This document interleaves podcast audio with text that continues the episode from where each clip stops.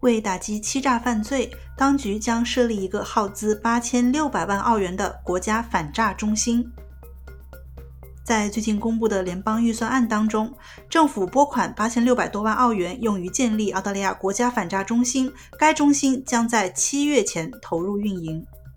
这一中心将由澳大利亚竞争和消费者委员会 （ACCC） 管理，并将与政府机构、银行、电信公司和在线平台建立合作伙伴关系，以阻止诈骗的发生。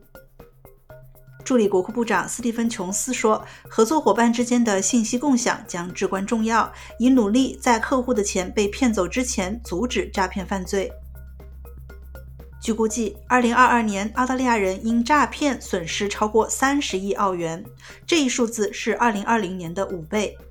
数据还显示，诈骗的平均损失约为两万澳元。琼斯说：“新的国家反诈中心将在政府各部门之间共享信息，以实时阻止诈骗，并在提高消费者的反诈意识方面发挥作用。”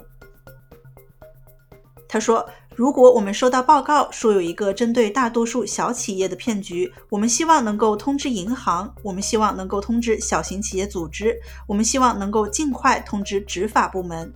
我们还将成立联合工作小组，这就像一个突击小队。我们将对某些类型的骗局进行打击，并与骗子展开斗争。